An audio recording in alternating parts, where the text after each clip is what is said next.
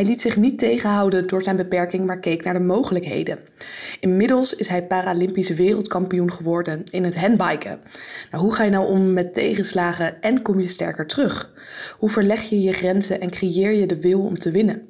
Hoe kan je jezelf motiveren om alles uit het leven te halen wat er voor jou in zit? Kortom, wil je leren van de topsportmentaliteit van Tim? Luister dan snel naar deze podcast. Hey, Isabel. Hey Tim, hoe is het met je? Ja, wat zal ik zeggen? Het uh, op zich wel, wel goed, maar alleen ik heb een ontsteking aan mijn been. Dus daardoor uh, is alles een beetje, uh, ja, loopt alles een beetje anders dan dat ik wil. Mm -hmm. de ontsteking heb ik, ik heb nu natuurlijk nou ja, inmiddels 23 jaar geleden een ongeluk gehad. En ik heb nou sinds die tijd drie keer een keertje een ontsteking gehad. Ja, en dat is nu de vierde keer, maar deze is wel vrij heftig. Heftiger dan de andere keren? Ja, hij is, hij, het is een grotere zwelling. En het, eh, dat, ja, hoe, hoe, dat komt, dat komt de, waarschijnlijk door mijn prothese. Die, die, uh, ik ben natuurlijk een beetje aan het spelen met mijn gewicht. Dus ik ben een beetje afgevallen, waardoor je een klein beetje uh, wrijving krijgt in je koken waar je in staat, zeg maar. Ja, en als, die, uh, als daar een wrijving ontstaat, en ik wist dat ik dat, dat ik dat aan moest laten passen, maar dat heb ik een beetje laten verslonsen eigenlijk. Mm -hmm. En is er een wondje ontstaan en dat is gaan ontsteken. Dus dat is een beetje, ja, kan mezelf wel een beetje voor de kop uh, slaan, maar goed. Het is altijd makkelijk praten achteraf. Ja, inderdaad. Kijk, ik ben er ook misschien niet makkelijker mee omgegaan, omdat ik... Um, omdat de spelen nu eigenlijk uh, uitgesteld zijn. Dus je hebt eigenlijk een beetje zo van, ah, ik heb nog wel even de tijd, weet je wel. Dus uh, ja, maar goed, om het zo te laten escaleren, dat was ook niet mijn bedoeling. Nee, precies. Dus ja, goed, uh, soms maak je ook fouten. Ja, precies. En vertel je, je had net getraind, je had iets nieuws ontdekt. Ik ben heel benieuwd. Ja, dat is, um, eigenlijk kwam het heel gelegen. Um, ik wist al een tijdje dat mensen aan het Zwiften waren. En Zwift is een soort van online fietsprogramma.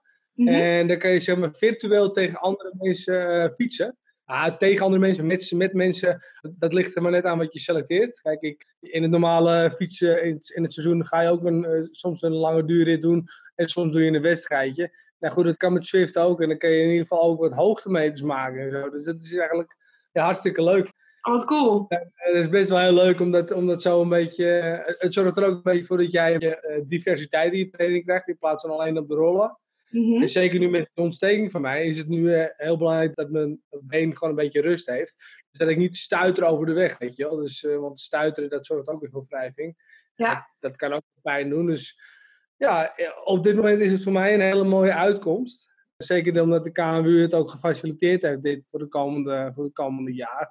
Ja, is het wel een hele mooie uitkomst. Ja, een beetje de leukigheid erin houden van het indoor trainen, zeg maar. Precies, want dit doe je dan allemaal binnen en dat is gekoppeld dan via een app. Dat je dat uh, met andere... Ja, ik ben gekoppeld via een app. En vervolgens, um, uh, ik doe het onder mijn carport, dus ik zit wel lekker buiten. Mm -hmm. Ja, onder de carport uh, heb je wel een beetje het weer, zeg maar, dat krijg je mee. Dus het is een prima plekje eigenlijk. Ik fixeer mijn handbike dan tegen de muur aan, want ik maak deze beweging op en neer, zeg maar. Als je dan niet gefixeerd staat, dan, dan ga je alle kanten op, als het ware. Dus ik heb met twee uh, soort van gespen heb ik me tegen de muur aan staan. Ik heb daar een speciaal eh, eh, eh, railtje gemaakt, waardoor eh, mijn fiets gewoon eh, prima gefixeerd kan, eh, kan staan. En ik eigenlijk in de normale positie gewoon eh, goed kan fietsen. Oh, super. Ja, want voor de mensen die jou nog niet kennen, zou je het kort iets meer over jezelf willen vertellen? Ja, zeker. Ik ben, ehm, even kijken, Tim de Vries, zoals al gezegd. Ik ben eh, eh, op dit moment 41 jaar. Eh, in 1907, ik ben in 1978 dus geboren. In 1937 heb ik een uh, trampolineongeluk gehad. Met eigenlijk de sport die, waar ik mijn hart aan verloren was.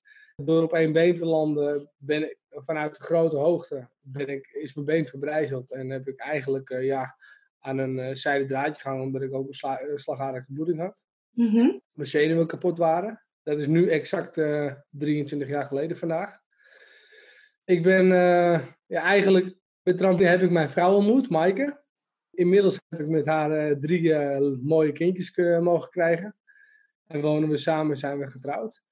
In 2000 maak ik even een flinke sprong. Ik ben sinds 1997 eigenlijk altijd wel sportief gebleven. Ik had ook een Olympische droom met trampolinespringen.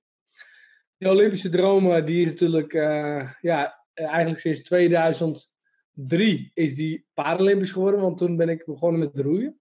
Mm -hmm. En roeien, dat deed ik dus destijds in Zandam. En dat was een soort van, ja, een, club. En er was iemand die me heel goed hielp om ook ervoor te zorgen dat ik met prothese of zonder prothese in de boot kon, uh, kon roeien. Dus mee kon doen met de normale mensen.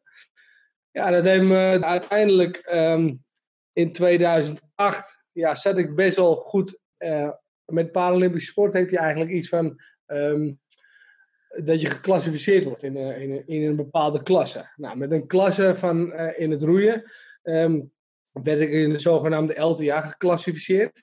En dat betekende dat je in een vierpersoonsboot terecht kwam. Dus je, je had geen keuze of je twee persoons of één persoons wilde. Als je Paralympisch wilde, dan moest je in een vierpersoonsboot. Dus ik had drie andere mensen nodig om mijn Paralympische droom als het ware te verwezenlijken. En dat bleek uiteindelijk in 2000, nee, na 2008 eigenlijk, toen er een boot naar de Paralympische Spelen was geweest, bleek dat een onmogelijke zaak om dat in mijn eentje allemaal voor elkaar te boksen. Dus toen ben ik eigenlijk op zoek gegaan naar een andere sport. Toen ben ik in 2010 terechtgekomen bij de supportbeurs in Utrecht. En dan was ik echt aan het focussen op een individuele sport. En ik stond daar eigenlijk om het roeien een beetje te promoten. Ja, goed, toen deed ik, uh, um, toen mocht ik een, een, uh, een soort van virtuele race, eigenlijk over virtueel fietsen gesproken. Een virtuele race, de Erasmusbrug op in Rotterdam. Want daar, daar was het dat jaar de proloog van de Tour de France in 2011.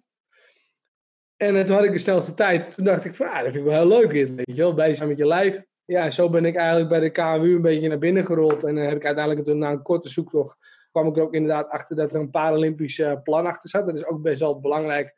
Bij een bepaalde bond willen mensen soms investeren of bonden investeren in Paralympische sport. Nou, dat was het geval. Vervolgens ben ik uh, eigenlijk uh, daarin gerold en mocht ik in 2011 naar mijn eerste WK toe.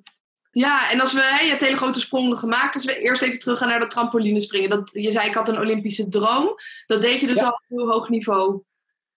Uh, ja, ik was, ik had, toen ik uh, mijn ongeluk kreeg, toen, uh, toen maakte ik net mijn debuut in de A-klasse. Dat is eigenlijk de klasse waar je bijvoorbeeld, ik weet niet of je dat vroeger nog weet, Alan Ville Verwerte.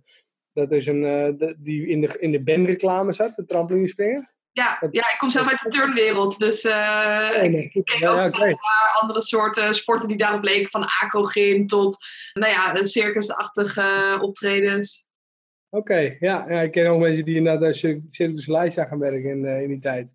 Ook een hele leuke, leuke, leuke ontwikkeling. Maar goed, ik zat dus in die klasse bij Alan. Ik had nog niet het niveau van Alan. Maar dat was natuurlijk wel mijn, mijn, doel, mijn grote doel om dat wel te worden.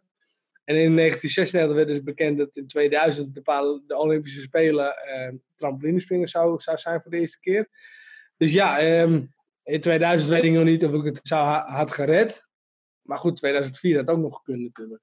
Precies. Dus um, ja, uiteindelijk... Um, ja, ja, ja, precies. Dus je was al stap aan het zetten en toen in uh, eh, 1997 kreeg je dat ongeluk. En hoe ging het vanaf toen verder? Hoe was die periode daarna? Ja, veel mensen die, uh, die, die, die hadden zoiets van. Uh, Och jeetje, weet je wel, vreselijk. Ik bedoel, ik noem maar even als voorbeeld. Ik, kwam, ik lag in het ziekenhuis. Ik was op woensdagavond dus in het ziekenhuis terechtgekomen.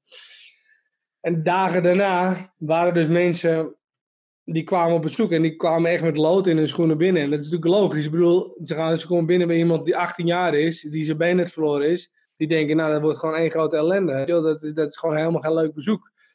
En tot een verbazing lag ik gewoon in mijn bed en, en had ik gewoon een glimlach. Weet je wel? Dat, en het is, dat is misschien gek, maar aan de andere kant was het iets waar ik zelf controle over had. En mijn doel was om uiteindelijk mensen weer lachend die kamer uit te krijgen. Dat was voor mij gewoon, weet je, het leven is nog niet voorbij. dat is eigenlijk hetgene waar ik me al die tijd aan vast heb gehouden. Mensen zeiden daarna, daarna van, je bent zo positief, hoe kan het nou? En uh, je zal die terugklap nog wel krijgen. En dus ontstonden allerlei verschillende theorieën over hoe ik mijn ongeluk had gehad. En uh, wat de, de, gekste verhalen gingen in de ronde. En dat hoorde ik allemaal, dat liet ik tot me gaan. En dat liet ik ook meteen weer los. Want ik bedoel, ja, daar heb je helemaal geen invloed op ideeën van anderen, weet je. Dat, dat, daar kan je niks mee. Nee. Dus en daar heb ik me eigenlijk al die tijd aan vastgehouden. Ik heb gedacht van ja, wat vind ik leuk? Ik vind trampolinespringen nog steeds leuk. Dus ik heb er ook een tijdje nog ben ik actief geweest in het trampolinespringen. Als, als lesgever natuurlijk. En dan ga je bepaalde mensen, ja, je ziet, nee, wacht even. Die heeft, eh, had het niveau die ik ook, die heeft het niveau die ik ook had. Dus vind ik leuk om dat te begeleiden en die te helpen verbeteren. Mm uiteindelijk ging mijn sporthart wel harder, harder kloppen weer. En ik had ook met vrienden al in de sportschool was ik al bezig geweest. Ja, en toen kwam ik dus uiteindelijk bij het roeien terecht en, uh, en, en vervolgens het handbiken. Dat even een grote sprong, zeg maar. Maar ik ben altijd, ik heb altijd het gevoel gehad om te blijven sporten. weet je, het, het, maakte me zo blij en uh, het, ja, ik, ik, voelde me er gewoon goed bij. Ja, Precies. Dat, dat is gewoon heel belangrijk dat je naar je gevoel blijft luisteren. Ja, en aan de ene kant hè, dat je merkt van ja, het sporten vind ik gewoon leuk. En als het dan niet de trampoline is, dan kan je het nog positief bekijken. Dan wordt het het roeien of het handbiken. Maar zijn er nog andere soorten sporten uh, die jij daarnaast doet om fit te blijven? Nee, ik, uh, weet je, handbiken is gewoon natuurlijk... In 2011 kreeg ik mijn A-status van NOC-NSF. Dus ik voldeed zeg maar aan de, aan de, aan de normen om een A-atleet te worden, zeg maar. Dan wil je gewoon fulltime focussen op, op de sport die je nu die je beoefent. En dan doe je eigenlijk alles in order to, uh, om, om beter te worden in datgene. Ja, goed. Dus in combinatie met de sportschool toen de tijd nog. En vervolgens uh, um, fietsen, specifieke trainingen met een trainer aan de slag. Nou, noem maar op. Ja, dus een, en, en ook nog een gezinsleven natuurlijk met uh, drie kids en een vrouw. Dus ja, en nog eens een keertje part-time buschauffeur. Dus je kan mij vinden in, in Zandam bij Connection, één dag in de week. Ik zag inderdaad je Insta hele leuke foto's en filmpjes voorbij komen dat jij in de bus allemaal trucjes doet. ja, nou goed, dat heeft mij, dat, om dan even daarop terug te komen, dat is dus calisthenics. En calisthenics uh, ben ik eigenlijk sinds, nou het is het nu, we leven nu in 20, sinds september, oktober 2018, na mijn tweede WK-titel, merkte ik dat ik de uitdaging een beetje kwijt was in, om in de sportschool echt aan ouderwets aan het gewicht te hangen. Dus ik heb met mijn krachttrainer toen gesproken. Ik heb gezegd van ja, ik, het is niet dat jouw schema's niet goed zijn of zo. Maar het is meer de omgeving die, waar ik nu blijf. Dat motiveert me niet meer echt. Dus ik ging er een beetje met moeite heen, weet je wel. Terwijl ik wel beter wilde worden natuurlijk. Of in ieder geval het niveau wilde behouden. Ja. En toen, uh, toen, zag ik op Instagram zag ik een, uh, ja, ik kwam bij iemand terecht bij Wesley Kalkhoffen van Calisthenics ik heb gevraagd, joh, zou jij, eh, zullen, zouden wij een keertje kunnen praten over, over dat jij me gaat begeleiden? Weet je, gewoon omdat ik iets nieuws wil. Ja, goed, en zodoende ben ik met hem in gesprek gegaan en uh, hebben een, uh, zijn we eruit gekomen om in ieder geval de eerste paar maanden te proberen. En dan kijken hoe het ons bevalt. Nou ja, goed, dat beviel wederzijds. Dus toen ben ik er eigenlijk mee doorgegaan. En het, het, leuke is dat je, dat je met, met, eigenlijk met heel veel eigen lichaamsgewicht heel uitdagende ehm, eh, oefeningen kan doen. En dat, dat, dat deed mij weer herinneren aan vroeger aan, het, aan de turntijd en de trampolinetijd die ik heb gehad. Dat je eigenlijk je eigen lichaam uitdaagt om sterker te worden. En zeker omdat ik met uh, kijk, dat is natuurlijk wel een andere benadering, want ik wil natuurlijk beter worden in het handbiken. Dus dan is het belangrijk dat je ook groepen aanpakt die je vervolgens gebruikt bij het handbiken, die belangrijk zijn. Ja, en dan heb je het natuurlijk over schouders, core stability, waar je heel erg uh, voordeel bij hebt.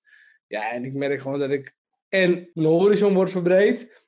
En vervolgens kan ik ook nog thuis trainen. En ik kom met nieuwe mensen in aanraking die een andere, een soort van andere uitdaging aan mij geven. En waardoor ik scherp en alert blijf op mijn hele ontwikkeling, gericht op het succes in het handbiken. Precies. En denk je ook dat daarin meerdere wegen zijn naar Want jij doet bijvoorbeeld het een stukje calisthenics erbij. Nou, ik heb toevallig ook met Jetsen gesproken, die doet dan het zwemmen erbij. Um, is er een, een gouden succesformule ervoor om goed te worden in het handbike? Of denk je er zijn meerdere manieren om dat te doen? Ja, er zijn zeker meerdere manieren. Het is heel belangrijk dat je dat gewoon zelf. Uh, kijk, ik ben nu uh, inmiddels 11 jaar handbiker. Het is heel erg luisteren naar gevoel. Er is, niet één, er is niet één weg die werkt om succesvol te zijn. Kijk, er zijn dat, dat, dat, heeft met mentaal te maken, het heeft met fysiek te maken, het heeft met je achterban te maken natuurlijk. Hè? Mensen die jou um, begeleiden en mensen ook nog eens die naast jou staan om jou de ruimte te geven. Dus het is een combinatie. En het is belangrijk dat je ook dat allemaal combineert. Dus ik weet je bijvoorbeeld, mijn gezin, die betrek ik heel erg in mijn weg. Omdat ik vind dat ze, dat, ze horen daarbij. Want ook zij leveren af en toe prestaties op een ander gebied om mij mijn sport te kunnen laten doen. Dus ja, uh, dat is wel, er is niet één weg die goed is. Het is wel heel belangrijk. Dat is wel iets wat iedereen kan hebben. Je moet iets doen en je moet weten waarom je het dan doet. En het moet jou een goed gevoel hebben, geven. Mm Als mensen dat, uh, ja, als je dat hebt, en het is een kwestie van tijd om dat ook zelf gewoon uit te pluizen. ja, dan, dan, dan, heb je een, dan ben je goed bezig. Mhm. En je zegt, die mensen in mijn omgeving zijn ook belangrijk en die betrek ik bij mijn proces. Concreet, hoe doe je dat bijvoorbeeld? Um, nou goed, ik, kijk, ik zie bijvoorbeeld dat zij hier ik, onder de carport bijvoorbeeld, zien ze mij trainen. En, soms zeg ik wel eens, het gaat lekker of het gaat niet lekker. Of weet je, dat deel ik dan met ze. En dan probeer ik dan ook dat de kinderen ook met mij natuurlijk dingen delen. Dat is ook heel belangrijk. En ja, vooral natuurlijk het mooiste. Ze waren in Rio op de Paralympische Spelen, mijn eerste Spelen. Zijn ze allemaal geweest. En, daar, daar, en ze zijn daarna zijn ze ook twee WK's van mij geweest. Dus betrek ze in jouw proces, betrek ze waarom je iets doet en laat zien waarom je het dan doet, weet je wel. Want dan, ook dan ontstaat er heel veel begrip vanuit, vanuit je gezin. Ook al weten ze wel, je bent ergens mee bezig, maar vervolgens zien ze niet de uitslagen. Dus dat, dat is dan wel belangrijk dat je ze daar ook in betrekt. En dat ze dan uh, daar ook van mee kunnen. Kijk, ik heb ook natuurlijk momenten dat ik niet met ze op vakantie kan, omdat de WK vaak in uh, begin september valt. Ja, als het begin september valt, ja, dan, dan kan ik de zomer gewoon niet op vakantie. Ja. En dan probeer ik ze natuurlijk ook samen met, uh, met ze een keertje lekker te gaan fietsen of zo, weet je. Dat, dat zijn ook leuke dingen. Alleen nu is het met de tijd, met school en zo, is het allemaal zo best wel lastig te combineren. Ze hebben natuurlijk ook een eigen groepje waar ze mee aan het sporten zijn. Ja, en het is gewoon belangrijk dat ze dat ook blijven doen. Uh, mijn oudste dochter, ja, dat is gewoon ontzettend leuk. Weet je, ze, papa, ik wil handstand leren. Nou goed, dan gaan we, dan gaan we er wat oefeningen voor doen en dan gaan we kijken hoe dat, uh, hoe dat gaat. En eigen aantal keren met haar gedaan. En ja, op een gegeven moment eh, krijgen ze dan die handstand voor elkaar. Wel hard tegen de muur aan, maar wel in een mooie positie. En soms vrij van de muur. Nou goed, dat zijn leuke dingen om dat met elkaar te delen. Precies, dat je ook, ook samen die successen dan ervaart die jij anders alleen zou ervaren in de sport. Ja, ik vind zeker dat ze daar een onderdeel van zijn, ja. En die successen samen delen, dat doe je zo te horen. En uh, nou ja, die downs die zijn er denk ik ook. Uh, is dat ook iets wat jullie met het hele gezin doormaken samen? Wat zei je nog, nog een keer? Die ups, hè, die, de, de, successen die zijn natuurlijk. Ja, uh, ik kan me voorstellen dat er ook wel hè, mindere momenten zijn. Die momenten dat je dan niet mee kan op vakantie of dingen moet opofferen. Hoe gaan jullie dan daarmee om? Ja, goed, dat proberen we in ieder geval dan wel uh, dusdanig te delen. Kijk, uh, vaak is het wel, uh, wel bekend dat een WK of een speler natuurlijk in een bepaalde tijd valt. En dan kunnen we daar enigszins al op voorbereiden. En inmiddels, ja, het klinkt misschien gek, zij zijn ook wel een beetje gewend dat ik soms in de zomer niet meega op vakantie. Weet je, mijn vrouw zegt ook vaak, ja, kijk, als jij uh, in september je WK hebt en vervolgens gaan we op vakantie en jij gaat mee, maar je gaat alleen maar trainen. Ja, ze dan, dan heb ik liever dat je gewoon lekker je eigen trainingsprogramma doet. En dan gaan wij er gewoon op uit, weet je wel. En niet omdat ze het niet gezellig vinden, maar ze gaat automatisch dan ook natuurlijk rekening met me houden. En, en dan, dan gaat dat ook ten koste van haar eigen vakantie. En mijn, mijn vrouw is echt de makkelijkste vrouw in de wereld, vind ik dan, dan doe ik het ook. Weet je wel. Ik heb wel, we hebben het een paar keer geprobeerd dat ik op vakantie ging, meeging. En dat, dat we dan drie weken gingen en ik dagelijks aan het trainen was. En op zich ging dat wel, maar het vakantiegevoel voor de kids en voor mijn vrouw is dan wel anders. Want ja, het, blijft gewoon doorgaan. Ook al ben je hier of ben je op een andere locatie. De voorbereiding blijft doorgaan. Ja, precies. Dus, en uh, hoe is dat dan voor jou? Je zegt soms ging ik dan wel die drie weken mee. Kon je daar dan ook 100% focussen? Of zeg je ik blijf dan liever eigenlijk in mijn eigen bubbel? Ja, misschien. Eh, het, het, is, ik vind het heerlijk om bij mijn kinderen te zijn en bij mijn vrouw. Vanzelfsprekend natuurlijk. Maar uh, ja, er is natuurlijk, zeker als je in voorbereiding op, bent op een WK of een Spelen, dan is het gewoon ontzettend belangrijk. En dat zien zij ook. Uh, dus het is, het, is mak het is moeilijk een keuze te maken. Maar het liefst ben ik dan wel gewoon fulltime bezig met mijn eigen plan, natuurlijk. Ja, ja precies. Dus, uh, maar goed, het is een hele lastige vergelijking.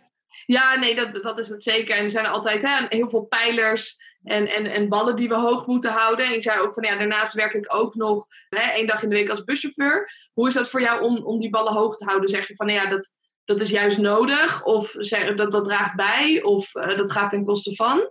Nee, nee, nee. Kijk, wat ik al zei, je moet iets doen waar je een goed gevoel bij hebt. Dus waar je je lekker bij voelt. Dat is eigenlijk wat dag in dag uit bij mij speelt. En de combinatie, kijk, sport is mooi. Uh, sport is prachtig.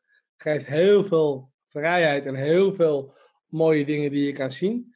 Maar er is ook nog wel even naast sport. En dat is juist de combinatie die ik, heb, uh, die ik heb met kinderen, met mijn, uh, met mijn sport en vervolgens ook in het arbeidsleven. Kijk, ik ben niet een fulltime buschauffeur.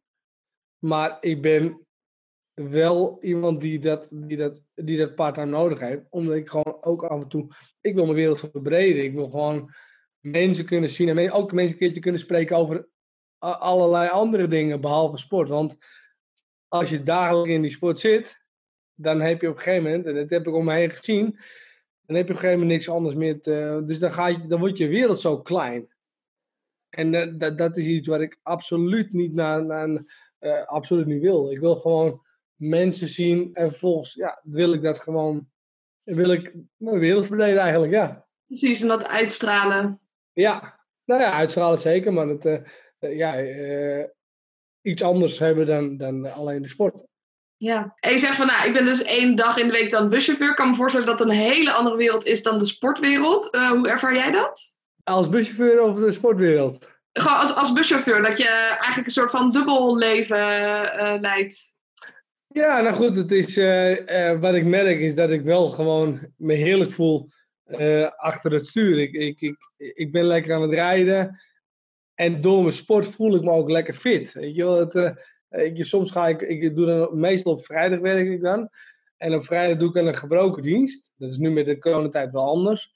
Maar dan vervolgens ga ik dan met, met, met mensen, ga ik tussen mijn werk door, ga ik dan fietsen. En dan zeggen mensen, wow, wat, wat, wat een discipline. Of wat, nee, de, ik doe gewoon iets omdat ik het leuk vind. En het is voor mij totaal geen enkele moeite om, daar, om dat te doen.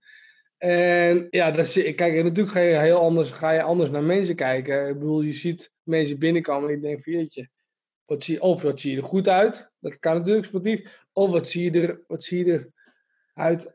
Je, je, je beweegt niet. Dat, dat, dat, dat is aan alles te zien. Dat ja, je, zorg niet goed voor jezelf. Ja, en je zorgt dan niet goed voor jezelf, goed eten. Ja, dat doen zoveel mensen niet. Dat doen best wel veel mensen niet eigenlijk. Ja, en uh, dan denk ik van ja, daar zou ik dolgraag iets willen zeggen. Maar ja, goed, denk ook, daar moet je ook niet mee, mee bemoeien. Maar zeker eh, als mensen er iets over vragen, weet je wel. Eh, dus ja, dan, dan, dan zal ik ook maar advies geven. Het is hetzelfde met collega's die bij mij, die, die, ik die ik zie op het werk. Weet je, er zijn bepaalde plannen gemaakt, een aantal jaren geleden, om mensen sportiever te maken. Dat is natuurlijk ook reductie van het ziekteverzuim. En vervolgens ook om uh, daarmee goed te blijven eten. Dus met een diëtiste die ook af en toe op locatie is.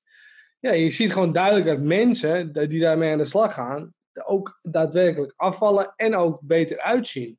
Gewoon gezonder, weet je, in het, in het gezicht. En, en, en als, dan ben ik ook wel de eerste die zegt, joh, hey, wat zie je er goed uit? Dus mensen motiveren. Dus eigenlijk alles wat ik in mijn sport dan een beetje eigenlijk belangrijk vind. En ik zie dat bij, terug bij mensen die dat in het verleden niet hebben gehad, of misschien wel een beetje. Als er verbetering is, dan vind ik het ook wel leuk om een compliment te geven. Je ziet daar mensen ook weer vergroeien. Dus ja, uh, het is een levensstijl die, gewoon, uh, die, die ik heb.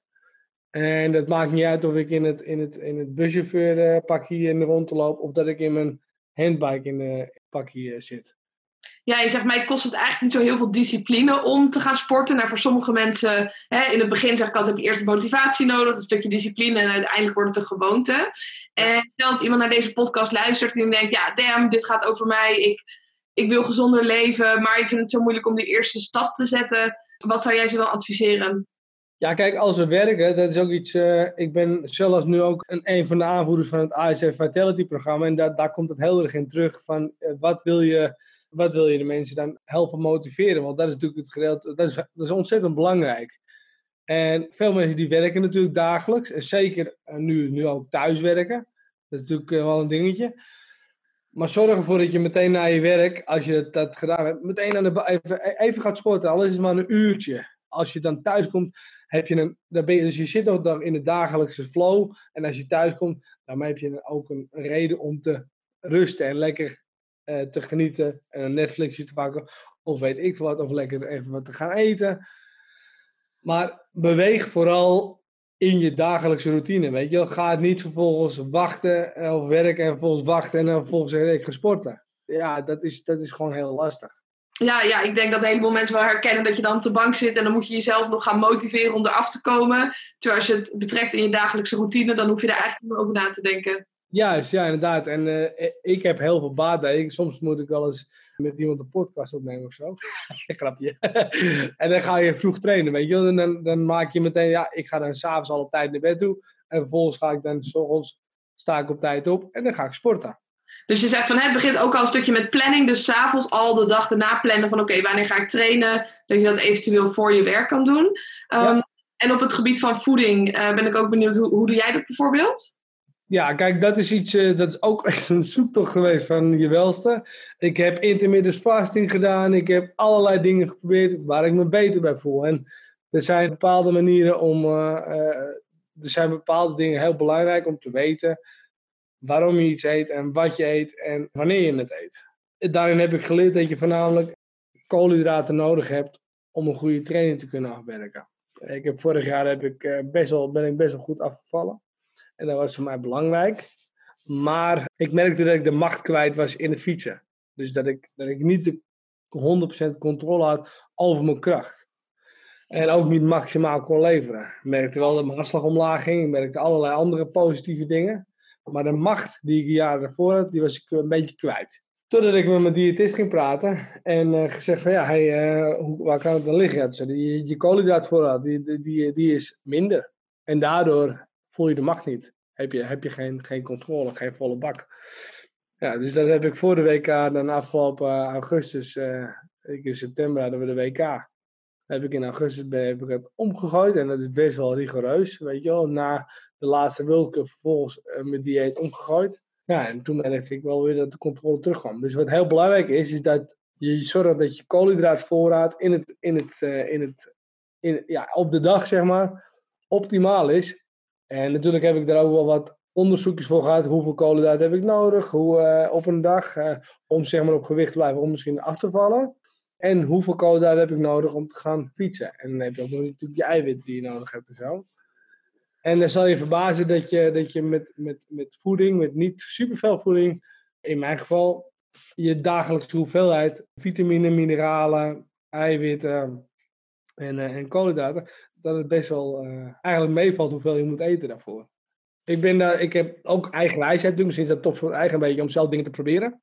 En eigenlijk maar alle, alle adviezen die je krijgt een beetje in de wil hangen en dat je het zelf wil voelen.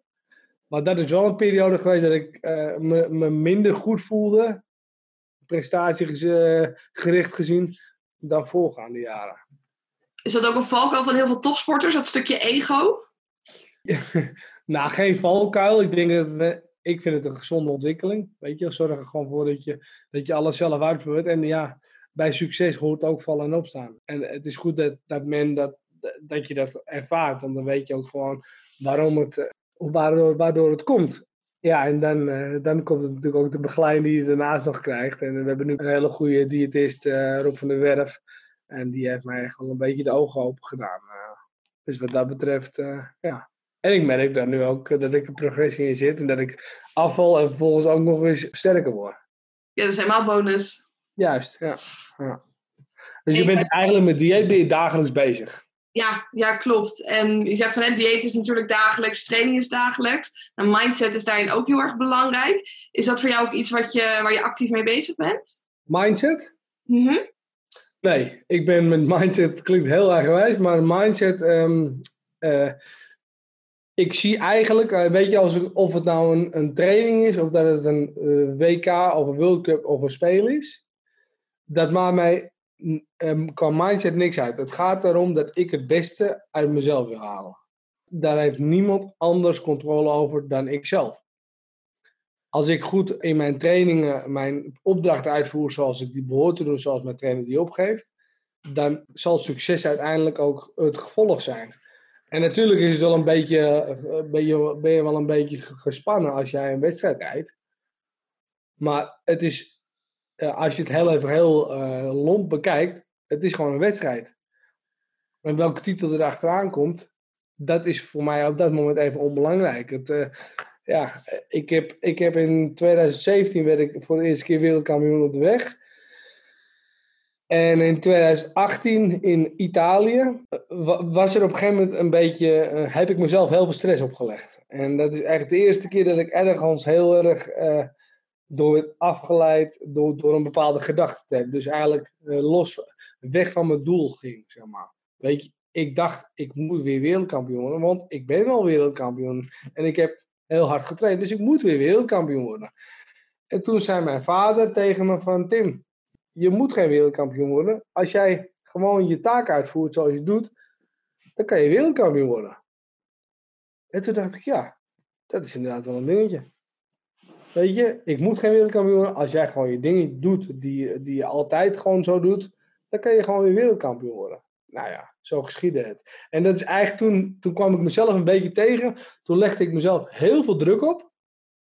Want ik, ja, ik was de wereldkampioen. En vervolgens, bam, werd je helemaal uit de weg geslagen. Want ik moet wereldkampioen worden. Nou goed, vervolgens had ik even iemand nodig die iets anders zei. En die, hoppa. En die hielp mij echt. Oh, dit voelt wel heel lekker. En het was een dag voor de wedstrijd. Dus ja, het was nogal wat, zeg maar. Ja, precies. Dat als die spanning daar afglijdt, dat dat al heel veel scheelt. Ja, en dat, dat, dat is echt de enige keer dat ik mezelf echt heel veel mentale druk heb opgelegd. En ja, en uiteindelijk ja, heb, ik, heb ik ook gevoeld en gezien wat dat met je deed. Dus ja, in dit geval gewoon bij je taak houden. Precies, dit nooit meer. Nee, nou weer doen zo. Nee, en je komt ook wel over als iemand die gewoon uit zichzelf eigenlijk al een hele krachtige mindset heeft. Dat je zei, ik was altijd al heel erg positief. Dat, die, dat doorzettingsvermogen, ja, dat, dat heb ik niet zo nodig. Uh, denk je dat het daarin een soort van aanleg is of iets wat je zelf kan aanleren? Uh, het blijft gewoon ontzettend belangrijk. Inderdaad, het, het scheelt wel dat ik gewoon zelf wel een positief iemand ben die eigenlijk alles aanpakt wat hij kan. En, maar eh, het schijnt zo te zijn dat topsporters een, een, andere, een andere mindset hebben en, en, en daarom ook topsporter zijn. Maar ja, ik zie het maar als iets wat ik leuk vind, wat ik doe. En vervolgens, als jij een bedrijf hebt en jij wil daar succesvol in zijn, dan ben je ook bereid om daar heel veel tijd in te steken. Weet je, ook al kom je thuis, dan wil je alsnog iets doen om dat bedrijf maar groot te maken, zeg maar. Of daar te houden waar je, waar je, waar je het plant om te hebben. Dus het is, het is gewoon heel belangrijk dat je, dat je iets met passie doet en iets met, met, met, met, met overtuiging. En als je dat, dat, als je dat doet, ja, dan denk ik dat, het, dat, dat het, het succes niet aankomt bij je, maar het succes uiteindelijk wel naar je toe komt. En dat is een soort van beloningssysteem. En ik geloof er absoluut in. Precies, wat je ook zei van die wedstrijd. Hè? Als jij maar gewoon doet wat nodig is, dan is het succes de beloning daarvan. Maar je moet het niet voor het succes doen, want dan leg je jezelf weer heel veel druk op. Zeker, ja, want ik heb inderdaad mensen gezien, ja, die, eh, die worden, uh, die, die, die hebben echt, die waren compleet uit het veld geslagen, omdat ze iets verloren hadden en, en, totaal radeloos waren. Dat ik dacht van, wauw, als je dat toch hebt, dat is toch verschrikkelijk om dat zo te hebben. En het heeft ook weer te maken met het leven wat je daarnaast hebt, weet je wel. Uh, zorg ervoor dat je meer dingen hebt die mooi zijn dat je ook daarop terug. Kijk, ik werd vierde bij de, weg, uh, bij de tijdrit in Rio. En ik werd negende bij de wegwedstrijd in Rio, nadat ik pech had gehad. Maar toen had ik toch mijn gezin langs de kant staan. En toen dacht ik van ja, weet je, dat is ook wel wat waard, weet je uh, ik ging met het vliegtuig vervolgens terug. En, en dan kwamen twee straaljagers naast ons vliegtuig vliegen in, in, in Nederlands luchtruim. En die begeleiden ons naar Schiphol. Dat zijn dingen die, die maakt niet iedereen mee. En, dan, eh, en daar probeer ik elke keer weer op terug te vallen. Dus mooie dingen zien die ook buiten de sport vallen. En dan, uh, ja, dan, dan, dan, dan, dan, dan kan je relativeren en vervolgens kan je weer opnieuw beginnen, zeg maar. Ja, precies. En het kijken naar de mooie dingen en het doen van dingen erbuiten is dus belangrijk voor je. Je zei ook van succes is vallen en opstaan. Je noemde al wat tegenslagen. Voelen die voor jou dan ook als tegenslag? Kijk, ja, ja kijk, zeker de, de, de prestatie op de Spelen. Ja, dat was, niet de, dat, waren niet, dat was niet de prestatie waar ik voor naar, naar de Spelen ben gegaan. En natuurlijk zijn er 4.500 sporters op de Spelen die allemaal voor goud gaan. Ja, en dan, kan er, kunnen het er maar een paar zijn. En dan, dan is het... Ehm, en het voelt wel als een teleurstelling, want ik bedoel, je bent twee dagen in wedstrijd en vervolgens zijn het spelen voorbij. En dan voel je echt een verliezer. Ik voel, ik voel me echt een verliezer tot eigenlijk het moment dat we ergens in Nederland kwamen, bij, uh, in Utrecht, werden we een soort van feestelijk binnengehaald. Voor mij weinig feest aan. Maar toen werden we dus onderverdeeld in een groepje van uh, de gouden medaillewinnaars, zilveren medaille, bronzen En de niet-medaillewinnaars werden onderverdeeld. En wat me toen opviel, dat was meteen wat mij opviel, was dat die niet-medaillewinaarsgroep de grootste was. En dat, dat bracht mij weer een beetje naar, ja, een beetje down, weet je wel. Zo van, ja, wacht even, ik kom weer met twee voeten op de grond, ik kom uit de bubbel. En er zijn er heel veel met mij die hebben verloren. Die niet hebben gewonnen, laat ik het zo zeggen. En hoe stonden zij erin? Hetzelfde als jij? Of zag je daar nog verschillen in? Nou, ik heb niet heel veel met ze gesproken, want ik bedoel, het was gewoon een... Het viel me op, ja, wacht even, dit is, dit is wel iets... dat, dat, dat is een feit. Ja, kijk, ze, komen allemaal een beetje uit, uit de spelen, dus ja, je hebt al lang een vlucht achter de dus je praat op dat moment niet zo heel erg. Maar het was voor mij wel een, eh, een, een openbaring dat het heel veel mensen betrof. Dat het, dat het eigenlijk de meeste mensen betrof uh, die geen medaille hadden gewonnen. Ja. En ja, dat was voor mij een hele fijne, hoe het ook klinkt, een hele fijne bevestiging. Precies, we hebben allemaal die, die belcurve, ik weet niet of je die kent. En je hebt, uh, je hebt altijd een cirkel, waar we, of een curve waar we allemaal invallen. Midden, die is de, de curve is het hoogste, en daar vallen ook de meeste mensen in. Maar de meeste mensen willen bij de, de top 1% horen. Maar wat je inderdaad zegt, hè, daar kunnen we niet met z'n allen bij horen, want dan verschuift die hele curve. Ja, nee, inderdaad. Dat, dat, dat is gewoon een gegeven. En het, ook, gewoon, ook als je daar gewoon logisch over nadenkt, dan is dat gewoon zo. De meeste winnen niks. Precies. Dus ja, daar, daar kom je niet aan. Het, het, eh, en ja, ik, ik werk er natuurlijk wel voor om bij die kleine groep te horen. Maar dat doen we allemaal. Ja, daar, daar zit ook natuurlijk ook wel een stukje, een stukje uh, ja, effort bij, weet je wel. Wat doe je ervoor en, waar, en waarom doe je dat? Dus dat is ontzettend belangrijk om dat, om dat ook voor jezelf helder te hebben. En wat maakt jou dan, denk je, anders dan de rest? Anders dan de mensen die geen wereldkampioen zijn?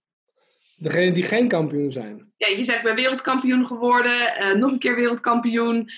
Wat maakt jou anders dan de rest? Is dat je mindset? Is dat je uh, fysiek? Is dat de manier hoe je traint? Ja, alle, alle drie eigenlijk. Kijk, het is, het is een... Uh, ik leef gewoon eigenlijk 100% voor mijn sport. En ik luister ook best wel wat motivational speaking. En dan is het ook vaak van ja, eh, uiteindelijk als jij iets doet wat een ander niet doet. Of als jij iets extra's doet wat een ander eh, niet zou doen. Dan ga je daar ook, dan, dan wordt dat beloond. En daar geloof ik echt, nou wat ik al eerder zei, daar geloof ik gewoon echt in. Dat als jij die combinatie van trainen. En natuurlijk, je moet ook wel een stukje kracht hebben. Kijk, ik dacht jaren toen ik in het begin ging handbiken, dat ik een tijdrijder was. En dat was ook wel een beetje zo. Oh ja, uiteindelijk merkte ik ook toch wel dat ik een wegwedstrijdrijder was. En ik, ja, dan word je drie keer wereldkampioen op de weg. Ja, dan ga je twijfelen van, joh, hey, ben ik nou een tijdrijder of ben ik nou een wegwedstrijdrijder? Dat is, weet je, elke tweede worden op de WK, dat is met tijdrijden, ja. Maar ik denk gewoon dat het, dat het, dat het een, een, de combinatie is van het trainen, het goed luisteren naar je lichaam en volgens het ondernemen. En wat, wat is belangrijk? Kijk, we zijn in oktober ben ik naar Tokio geweest om het parcours te verkennen. Ja, eerlijk Isabel, als ik daar op, in oktober had gekomen zonder dat ik, zonder dat ik het had geweten en wat het de Spelen gaat, dan had ik je niet gewonnen. En dan moet je dus een beslissing maken. Daarom is een verkenning ook zo belangrijk. Wat, ga ik doen? Ik ga naar de Spelen toe. Het is daar behoorlijk klimmen. Ja, wat is dan belangrijk? Ja, en daar ga je dan je plan op vastmaken. En vervolgens ga je daar um, elke dag mee aan de slag. Totdat het moment komt dat je op die speler staat. Nou, dat is dus, ik denk dat dat belangrijk is, dat je dat hebt. En zo doe ik het. En ik denk ook uiteindelijk dat dat zich uh, uitbetaalt. Ja, dus gewoon super goede voorbereiding en alle dingen waar je controle op hebt, om daar in ieder geval uh, voor te gaan trainen. Ja, en materiaal en gewicht en trainen, al die combinaties. En natuurlijk mensen om je heen verzamelen die, die, die jij belangrijk vindt om uiteindelijk naar die prestatie toe te werken. En wie zijn die mensen die in jouw omgeving zijn die je daarbij helpen? In mijn omgeving? Eh, je bedoelt qua, qua begeleiding of? Allebei, dus je hebt natuurlijk je vrouw en je kinderen die je daarin ja. steunen, maar ik kan me ook voorstellen dat je coaches om je heen hebt. Zeker. Uh, inderdaad al uh, degene die helpt met calisthenics, wie helpt je nog meer? Ja, Fedor Hess is zeg maar de, de grote trainer. Dus die, eh, die, die verzorgt mijn fietstrainingen. die zorgt ook voor de periodisering. Dus uiteindelijk naar een toernooi toewerken. Naar belangrijke momenten toewerken. Dan heb ik vervolgens mijn, uh, mijn calisthenics trainer Wesley Kalkhoven. En mijn krachttrainer, fysiek trainer uh, Challen Knijf.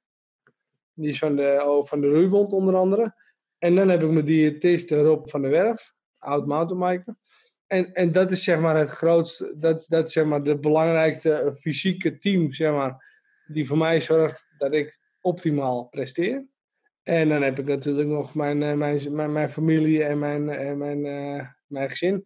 Van, van mijn familie is het dan ook mijn broertje en mijn vader en mijn moeder. Die mij eigenlijk, uh, mijn moeder die zorgt ervoor, die, is, die staat heel vaak paraat als ik in het buitenland ben. Om uiteindelijk ook op te passen op de kids. En dus ja, dat is een ontzettend belangrijke factor. Want als je dat niet hebt, ja, dan, dan, dan is dat, wordt het lastiger. En mijn vader en mijn broertje die hebben een glashandel. En ja, mijn vader die is oud wielrenner geweest. Dus die kent precies de, ja, de, de, de, de, slagen zeg maar, van de zweep. En mijn broertje die ondersteunt me dan in het, in het, in het feit dat ik een, eh, mooie bus kan rijden. Uh, met, waar ik een handbike en eigenlijk heel Europa door kan rijden. Dus ja, en natuurlijk ook nog eens dat ze gewoon 100% supporter zijn van mijn handbike gebeuren.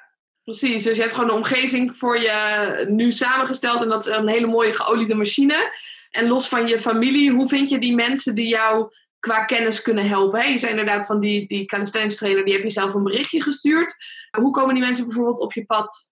Ja, komt die calisthenics trainer inderdaad een bericht gestuurd? Ik ben met, bij mijn fysiek trainer, Challing, ben ik uh, eigenlijk heb ik aangegeven bij de bondscoach van joh, ik, zou graag een andere krachttraining willen hebben. Zou jij mij daarmee kunnen helpen? Nou goed, dat heeft zich geïnformeerd en bla Uiteindelijk kwam we bij Challen Knijf terecht en, uh, en, zo, en, dus door de bemiddeling van de KMU ben ik uiteindelijk bij de roeibond terechtgekomen en uh, kon ik daar mijn fysieke training doen. Zo, zo ben ik eigenlijk ook met mijn trainer Fedor Racing in contact gekomen. Die was voorheen bondscoach tussen 2012 en 2016. En daar heb ik in 2016 de overstap gemaakt van mijn toenmalige trainster uh, Caroline van Herkhuizen. En volgens naar, naar uh, Fedor. Ook omdat het natuurlijk, hij was, vooral Fedor was iets meer geëxperimenteerd in, in het hele proces. Pieken op een juiste moment. Ja, dus daar heb ik die overstap gemaakt naar, naar Fedor op die manier.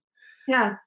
Ja, dus ik, ik geloof ook wel dat mensen op een gegeven moment ja, op je pad komen als jij, uh, als jij een beetje om je heen blijft kijken. Weet je, je bent, wil continu vernieuwen en je krijgt natuurlijk een heleboel informatie. Wil, er zijn zoveel ook dingen, uh, invloeden op social media of op een andere manier waarvan je denkt, hé, hey, wacht even, is dit misschien wel iets voor mij? Of is dit niks voor mij? Dus je neemt heel veel dingen in overweging en uiteindelijk maak je daar een keuze in.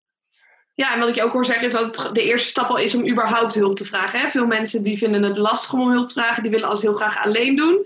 Had jij daar ook moeite mee of is dat iets wat je makkelijk afgaat? Nee, kijk, op een gegeven moment toen ik in 2010 begon met handbiken, toen wilde ik eigenlijk ja, eh, trainen. En dat, dat is ook hetgene waar het mee begint natuurlijk. Hè? Kijk, hulp vragen. Ik zie het niet echt als hulp vragen, ik zie, gewoon ik zie het gewoon als een stukje professionalisering. Ja, op een gegeven moment moet je ook realiseren dat, dat, dat dat jij geen verstand hebt van, je, van het systeem wat in je lijf zit. Weet? En natuurlijk, dat leer je wel op een gegeven ogenblik. Maar het is meer dat je gewoon, toen ik in 2011 vierde werd op de WK en ik een A-status kreeg van de NOC. Ja, toen was ik ook wel zoiets, had ik ook wel zoiets van ja. En nu wil ik gewoon met een trainer serieus aan de slag, zodat ik ook een plan kan maken. En dat ik uiteindelijk ook beter word in iets wat ik, uh, waar ik uiteindelijk nu ook, weet je, uh, sport is nu een beetje, is gewoon echt mijn leven. Dus ja, dan, dan is het ook wel belangrijk dat je daar goed in wil worden. Dus ja, zodoende ben ik aan de slag gegaan. Dus ik zag het echt gewoon als een soort van verbetering in het proces. Precies. En je zei, ik heb die ASA's gekregen. Nou, sindsdien nog allerlei wedstrijden waarschijnlijk gedaan. Welke doelen liggen er nog voor jou voor de toekomst? Succesvol zijn op de, week, op de Paralympische Spelen. Dat is, en uh, en op, heel hoog op mijn lijstje staat ook het WK tijdrijden. Mm ik ben nu drie keer op de weg geworden. En uh, uh, tijdrijden is echt wel iets waar ik al jaren achteraan, achteraan chase als het ware. Dat is, dat is eigenlijk mijn belangrijkste droom is om inderdaad Paralympisch kampioen te worden. En daarna WK tijdrijden. Dat zou voor mij heel loopvoering geven. Ja, snap ik. En ook een quote die ik las op je website is: laat je lichamelijke beperking geen daadbeperking zijn. Klopt dat? Dat klopt, ja. ja. Ik bedoel, uh, kijk, er kunnen heel veel hobbels zijn, maar het is gewoon heel belangrijk dat je daar ook... Kijk, ik ben mijn benen kwijt en ik heb mijn kracht gevonden in het handbiken. Maar het is ook belangrijk, ook al heb je iets wat, wat, wat in je lichaam waar, waar je, waar je uh, ja, iets, dan moet je daarop kunnen anticiperen. En dan moet je daar ook proberen om te kijken of je iets daardoor beter gaat voelen. Dus je daardoor ook 100% in de maatschappij kan plaatsen. Ik bedoel, ik noem maar een voorbeeld. Ik ging solliciteren bij Connection, bij het openbaar vervoer, in uh, 2002. Ja. En ik noemde daar, uh, ja, ik had een prothese. Ja, dat is best wel een dingetje natuurlijk. En ik heb daar gewoon gezegd, ja, ik, ik wil graag buschauffeur worden. Het kan volgens mij. En ik heb gesolliciteerd en ik, ik ben het geworden. Ik ben aangenomen en ik kon mijn diploma, ik kon een groot rijbewijs halen vanuit Connection. Ja, dus eigenlijk, het is ook gewoon een kwestie van durf jezelf aan de maatschappij te laten zien. Weet je, ga, ga, doe, doe gewoon het onmogelijke en kijk maar of het mogelijk is. Ja, en het begint allemaal bij het überhaupt proberen. Hè? Eh, ik denk dat veel mensen het überhaupt dan niet proberen. Dat ze denken, oh, wat nou als het misgaat? Maar je zegt, probeer het gewoon. En ja. misschien lukt het zelfs. Nou, ik denk dat het een hele mooie is om hierbij af te sluiten. Laat je lichamelijke beperking geen mentale beperking zijn. Ofwel, hè, je beperking hoeft je nog niet te beperken, wat voor beperking dat dan ook is. Um, Kijk naar de mogelijkheden. Kijk naar de kansen die je kan pakken. En ik ben ook heel... Hey, dankjewel voor je verhaal. Dankjewel. Is goed. Fijne dag.